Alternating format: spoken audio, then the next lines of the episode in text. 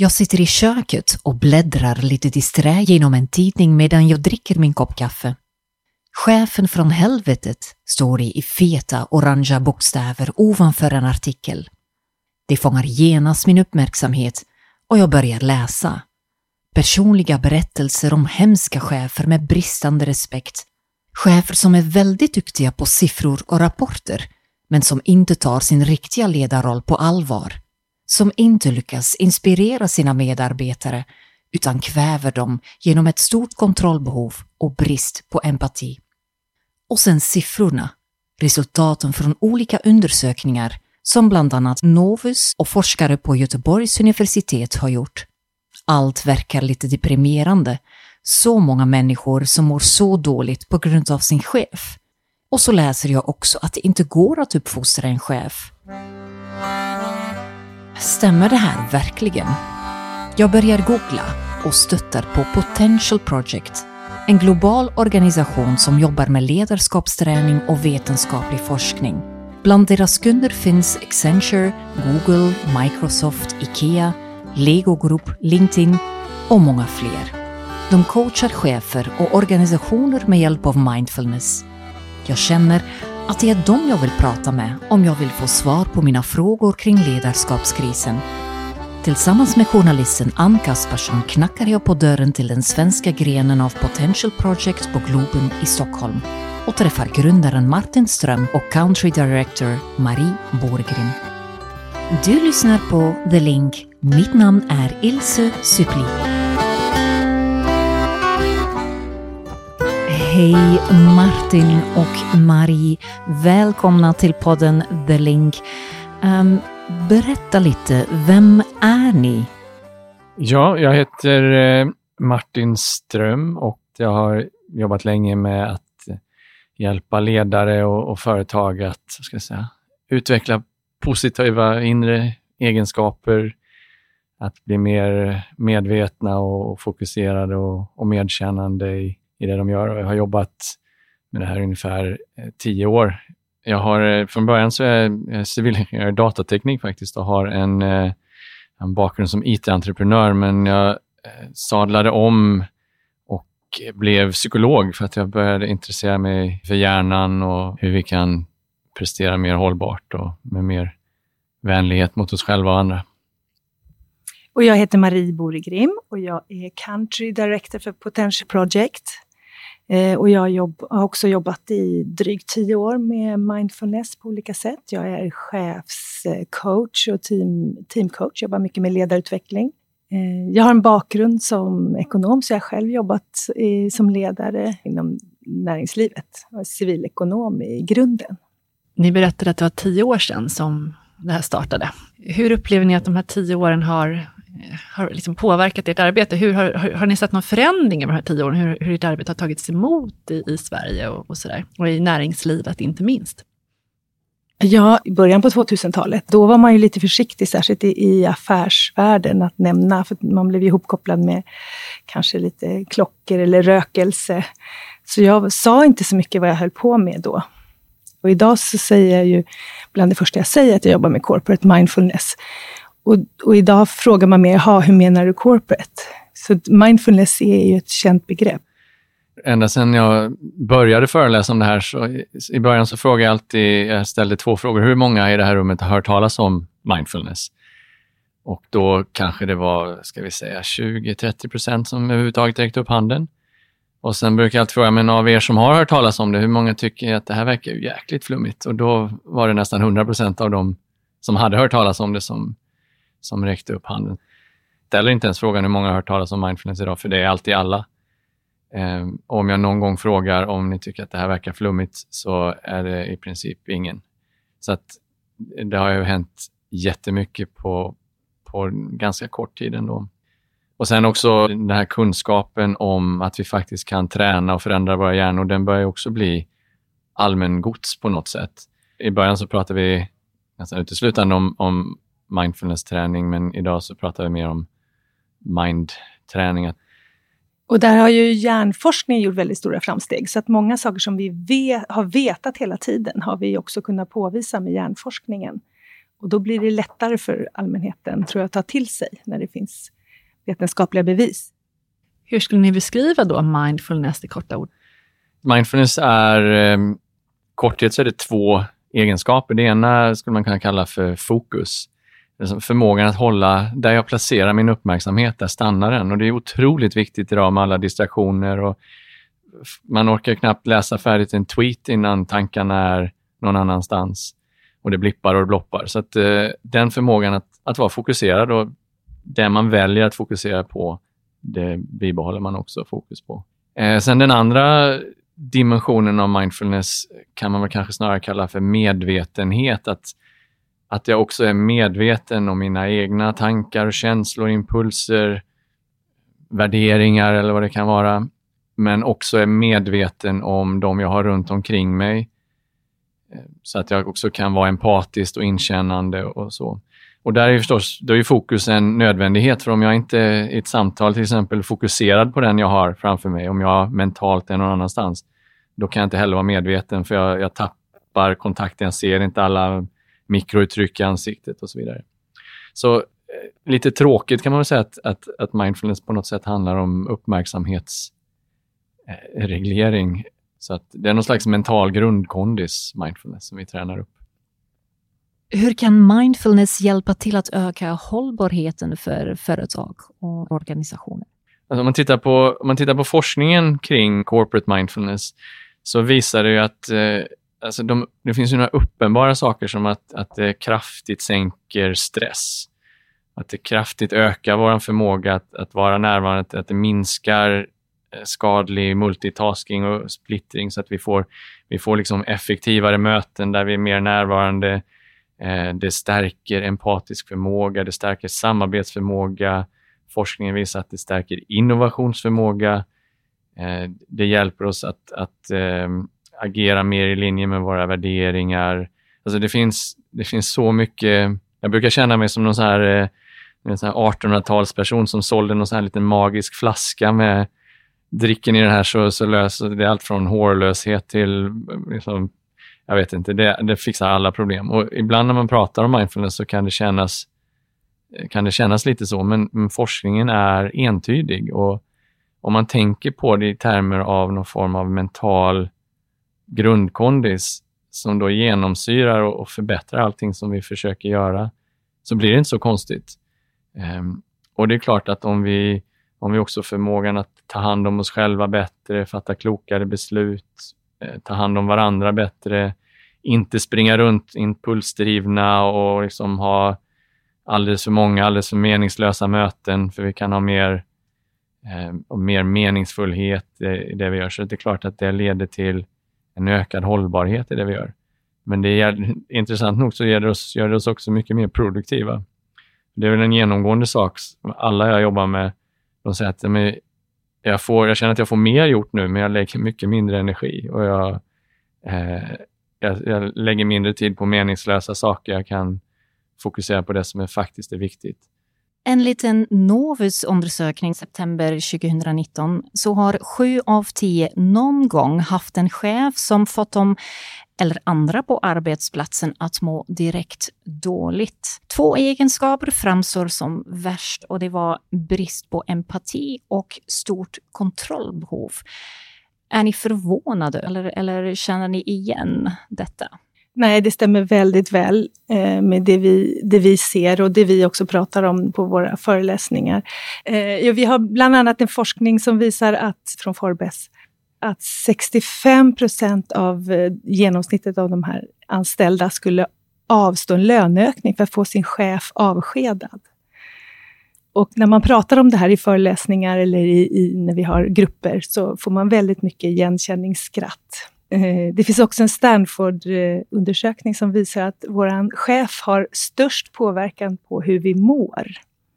Så det som ni berättar och den här 65 procent blir väldigt sorgligt.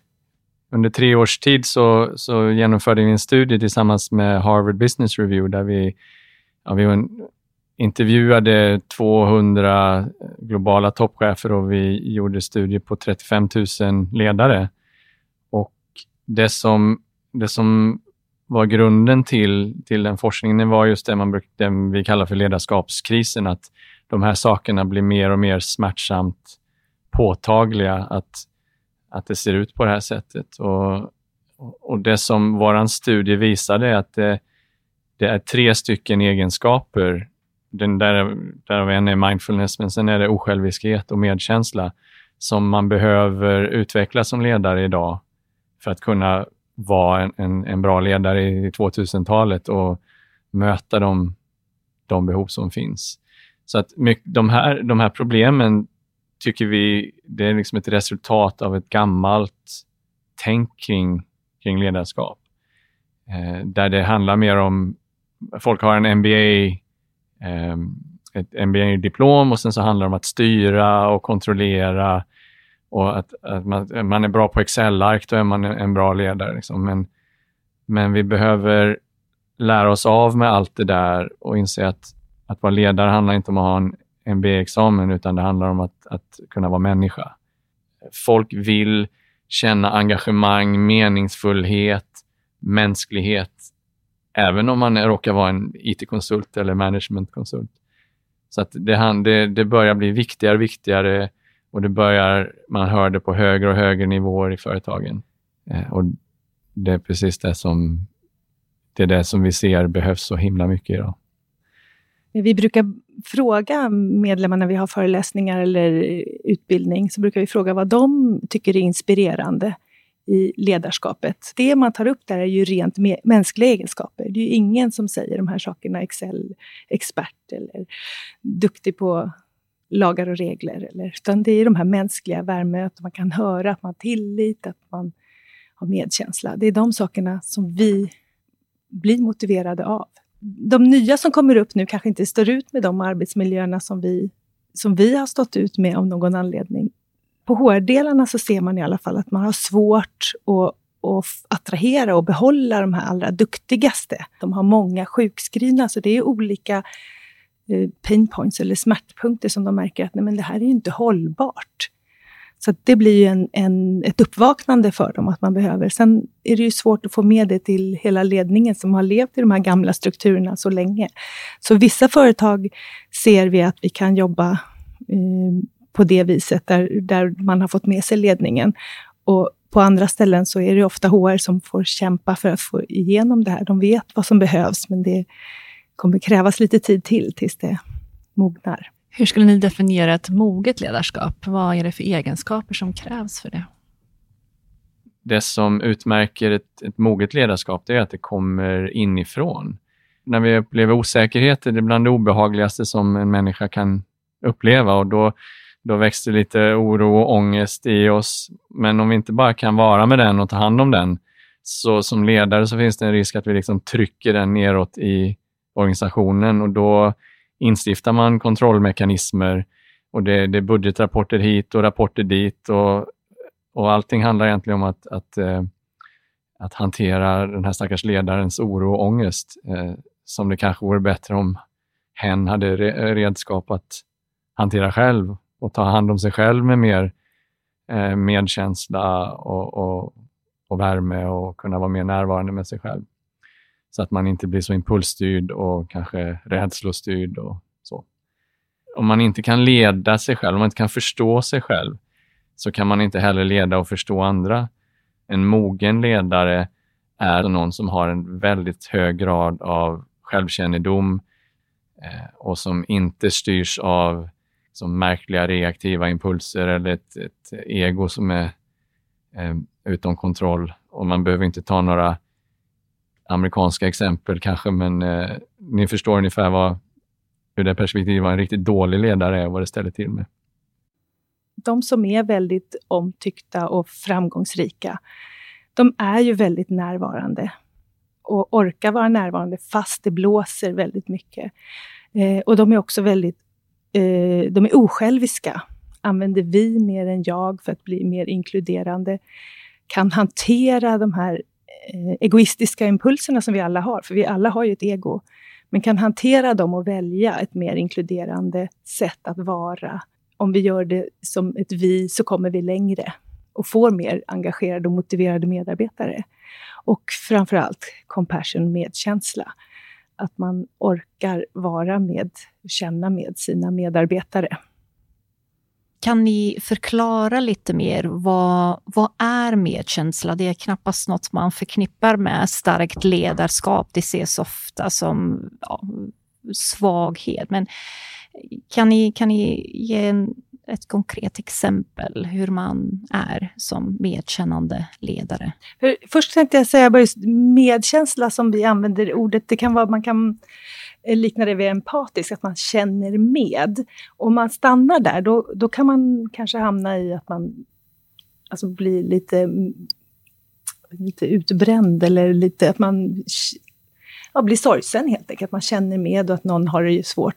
Så när vi pratar om medkänsla så har vi använt eh, det engelska ordet compassion, som innebär eh, compassion innebär att vi har en medkänsla, men vi har också en vilja att hjälpa någon att må lite bättre. Så det är på så vis som vi använder ordet medkänsla. Så det finns också en aktiv vilja att skapa någonting. Och det är det som gör en väldigt stor skillnad. Samtidigt så, så måste det vara parat med, jag vet inte om man ska kalla det intelligens eller förståelse eller klok, klokskap. Precis.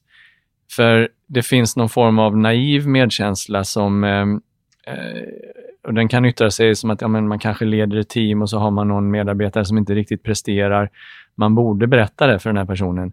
Men så känns det, nej men jag, jag kommer göra honom ledsen och det, det känns lite obehagligt. Nej, men jag gör inte det. Vilket, det är inte alls medkännande. Eh, så även om man, har en, man kanske har en god intention, men man saknar liksom förmåga att, att, att ibland göra svåra saker och ta tuffa beslut. Och sen den andra extremen, det är om man, om man, är, man är väldigt intelligent, men man bryr sig inte alls. Då, blir man ju, då kan man ju få kortsiktiga vinster. Man kan pressa ut jättemycket ur folk, för man skiter fullständigt i hur de mår. Eh, så att man ska säga the sweet spot, eh, det är när man har kombinationen av medkänsla och klokskap. Man, man bryr sig även för om man behöver eh, ta ett svårt samtal med någon eller om man behöver fatta tuffa beslut. Problemet är att vi lätt halkar därifrån, så kommer vi ner i det här naiva, för att det, ja, det kändes lite jobbigt. Eller så så halkar vi ner i den andra extremen och så blir vi kalla och robotlika och bara vi får det gjort liksom, och så stänger vi av våra känslor.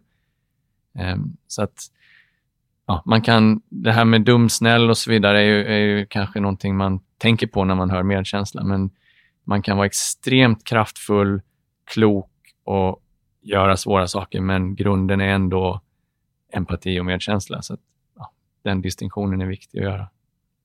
Martin, du nämnde att det är möjligt att träna upp eh, genom mindfulness. Är det möjligt att förvandla en självisk chef omedveten till en eh, empatisk, medkännande ledare?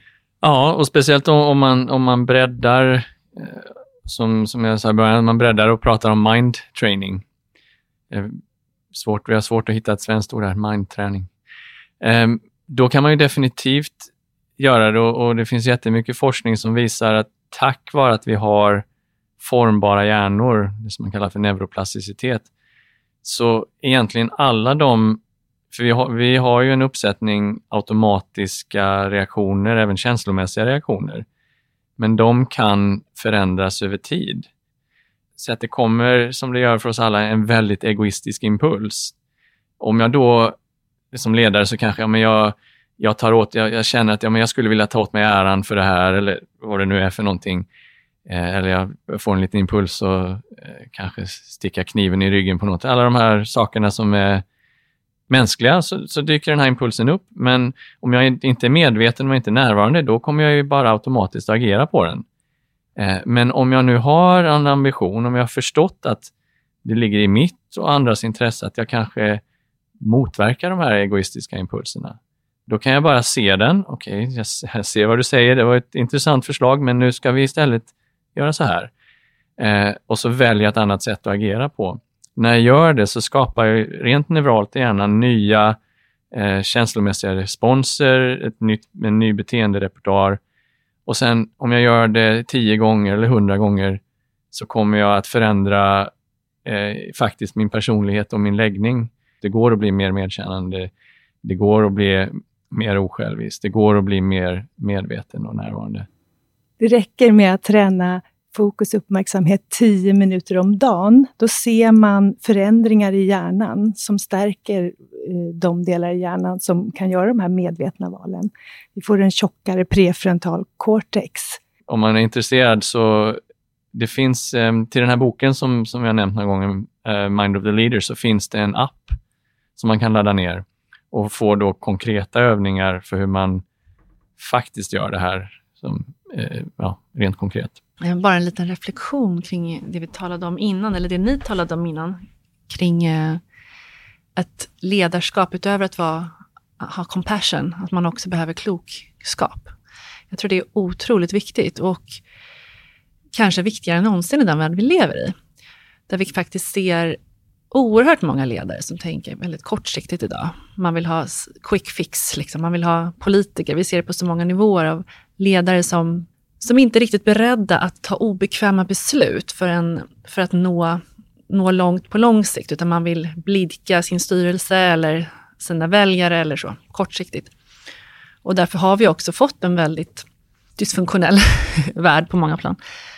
Jag håller med dig om, om det här, det vi ser i världen och det är ju sorgligt att mm. det är på det viset. Och det finns också en, en forskning på Stanford, vill du vinna snabba framgångar så ska du ju tänka egoistiskt. Men det, blir, det är en kortsiktig lösning. Och vad det gäller rekrytering så samarbetar vi med en hel del företag idag och tittar på liksom hur rekryterar man idag. Och ofta så har man ju, det är betyg och det är eh, de fina skolorna, men det finns också forskning då som visar att de är ju helt alltså okorrelerade till att få de här bra och framgångsrika ledarna. Så att, att man bara har bra betyg och har tänkt på sig själv, så, så är det inte så ofta man blir den här framgångsrika ledaren. Utan vi måste ja, titta lite bredare helt enkelt. Vi kastar bort vad är det, 45 miljarder dollar på ledarskapsträning varje år. Och knappt någonting av det handlar om att, att, att eh, odla de här inre viktiga egenskaperna. Men det, det, allt borde handla om det eh, egentligen. Om vi vill ha chefer som också presterar väl i rent liksom, vanliga termer, bottom line-termer, så är det fortfarande de här egenskaperna som vi behöver eh, lyfta fram och rekrytera på och också hjälpa då chefer att, att stärka. Vi ser mer och mer medvetenhet kring det här och företagen börjar leta efter ledare som faktiskt har de här Eh, kvaliteterna. Eh, eftersom ni också arbetar internationellt, hur ser ni skillnaden i Sverige och övriga Europa och kanske till och med världen, men om man tittar främst på Europa, då, hur ser, ser man den här trenden över hela ja, över Europa eller är det mest i norra delen? Eller hur, ja, hur ser det ut? Och även USA? Ja, det är ju det är lite, det är lite mixat. Om man, om man tittar på USA idag så i princip alla företag har, jobbar med någon form av mindfulness-insatser idag mer och mer. Så ser det ju inte ut i, i, Sverige än, så där känner jag att man faktiskt märkligt nog har kommit längre i, i USA. Eh, och sen om man tittar eh, bland mina europeiska kollegor så vi har varit mest framgångsrika och haft mest att göra i, i eh, Frankrike och England skulle jag säga. I vissa avseenden så så känns det lite, lite trögt faktiskt i, i Sverige och Norden. Vi är kanske världens mest individualiserade och sekulära samhälle i många avseenden.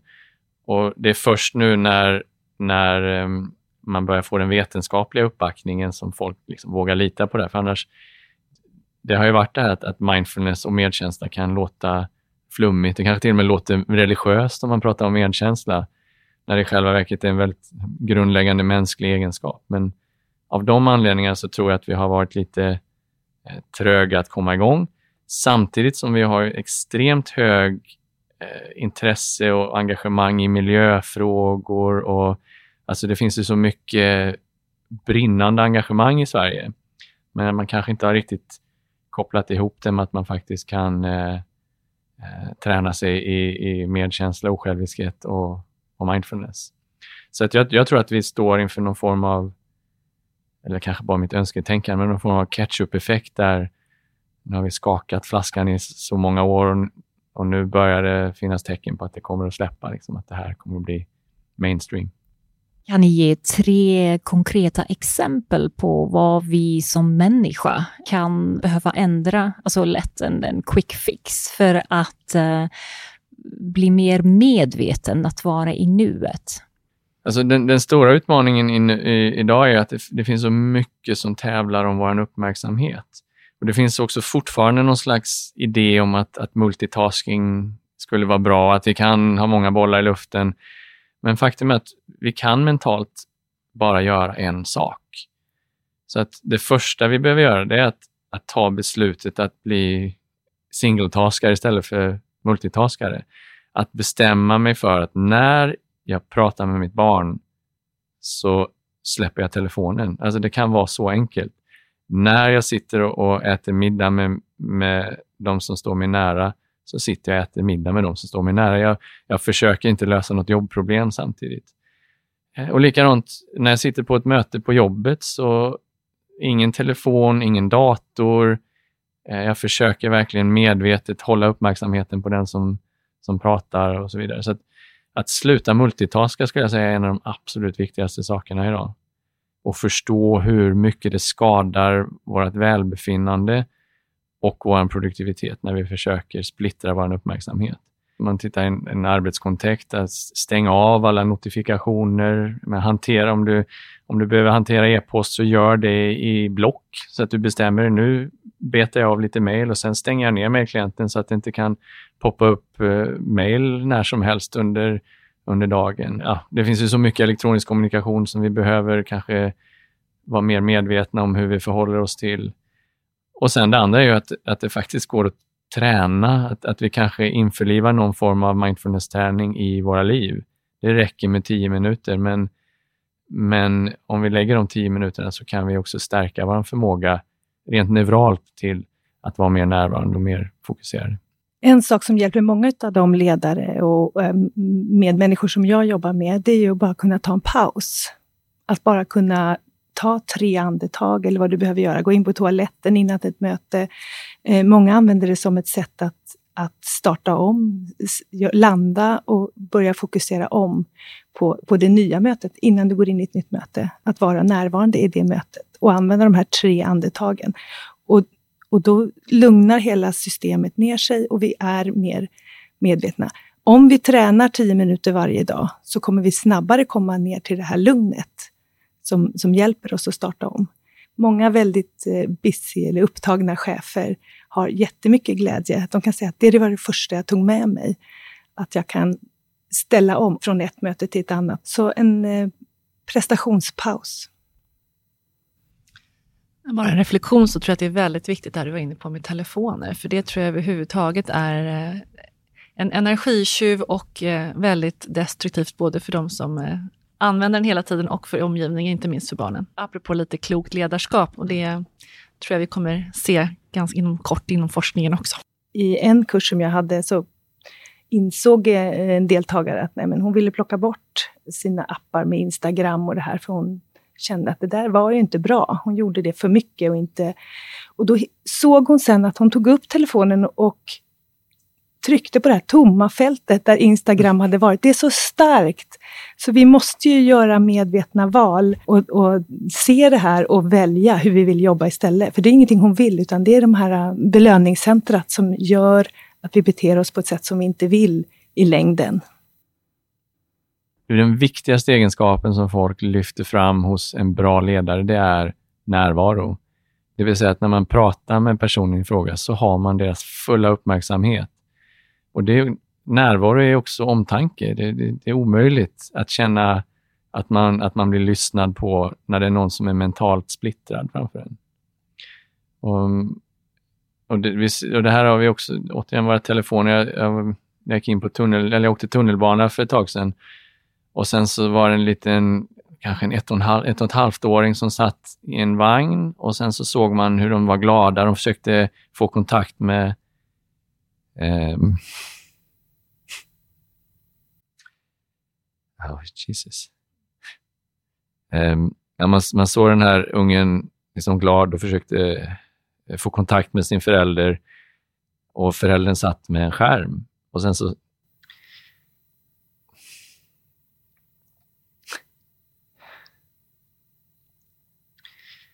Och sen ser man liksom när glädjen slocknar.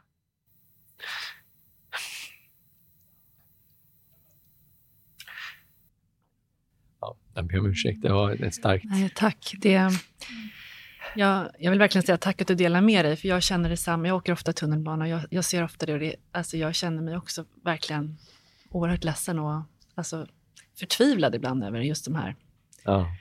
och därför så säger jag att det är, ett, det är ett problem på många nivåer, men någonstans måste vi vuxna börja leda oss själva.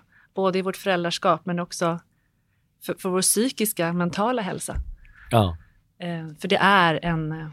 Det är någonting, det, alltså när det går överstyr så blir det oerhört destruktivt. Känner ni er hoppfulla inför framtiden då? Alltså när det gäller ledarskap och ja, även den här frågan, den, den är oerhört viktig då, tänker jag. Eh, det är en dubbel fråga, för det man ser i världen ger ju inte så mycket hopp. Det är ju så mycket som går åt fel håll, känns det som. Så ibland är man ju lite eh, ledsen över det förstås. Eh, men, men än så länge känner vi i alla fall hopp för att vi faktiskt kan göra skillnad. Och det är därför vi jobbar med det vi gör. Och, och eh, så mycket att det gör så stor skillnad med dem vi jobbar. Eh, vi mäter ju resultat före och efter när vi har gjort program och ser ju enormt. Och så får vi exempel vad det gör för skillnad. Så det är ju väldigt hoppfullt och att det vi gör växer. Vi jobbar mer och mer vi jobbar, och vi jobbar globalt. Eh, så, så ja, men vi känner hopp att, vi kan få, att det här kan få växa. Nej, och jag håller med. Man ser ju, man ser ju eh, väldigt olika tendenser i världen. Å ena sidan så, så ser man att, att eh, klyftorna ökar och vi liksom hamnar längre och längre ifrån varandra. Med en ökande främlingsfientlighet och vi har enorma utmaningar. Eh, liksom, försöka rädda vår stackars planet. Liksom. Men samt, och, och, och i det lilla kanske den här när vi sugs in i, i våra devices och, och eh, blir mindre... Ja, det, det utmanar liksom vår mänsklighet på något sätt. Men samtidigt så, så, är det, så finns det fantastiska motkrafter och ibland är det ju så att när, när lidandet blir tillräckligt stort så, så kommer liksom motreaktionen. Och det tycker jag att vi, vi ser. Vi, vi börjar till exempel förstå hur, Eh, hur illa det ligger till med, eh, med vårt förhållande till, till smartphones och så vidare. Och, och folk börjar vakna upp och börjar se att nej, men jag måste faktiskt ta ett medvetet val och ändra på det här. Och vi ser jätte, jättevackra eh, rörelser världen över där man faktiskt försöker eh, göra gott och föra människor närmare varandra och rädda vår miljö och så vidare. Det är lite av både, men jag tror att, jag tror att, att bli uppgiven, eh, det hjälper inte, utan att, att verkligen säga att men det finns saker som vi kan göra, då får vi göra dem eh, tillsammans och hoppas att det, liksom, det inte är för sent. Tack så jättemycket Marie och Martin. Tack för att ni ville vara med. Det var jätteinspirerande. Tack. Tack! Tack så mycket. Vill ni veta mer så kan ni gå in på hemsidan potentialproject.com. Kolla också boken som har blivit en internationell storsäljare, The Mind of the Leader, som har skrivits av Rasmus Haugart tillsammans med Marie Borgrim och Martin Ström och utgiven av Sanoma Utbildning. Det var allt för det här avsnittet av The Link. Intervjun gjordes av Ann Kaspersson och Ilse Suppli. Soundtrack Triodore. Producent Ilse Suppli. Tack för att du har lyssnat. Hoppas du är med oss även nästa gång.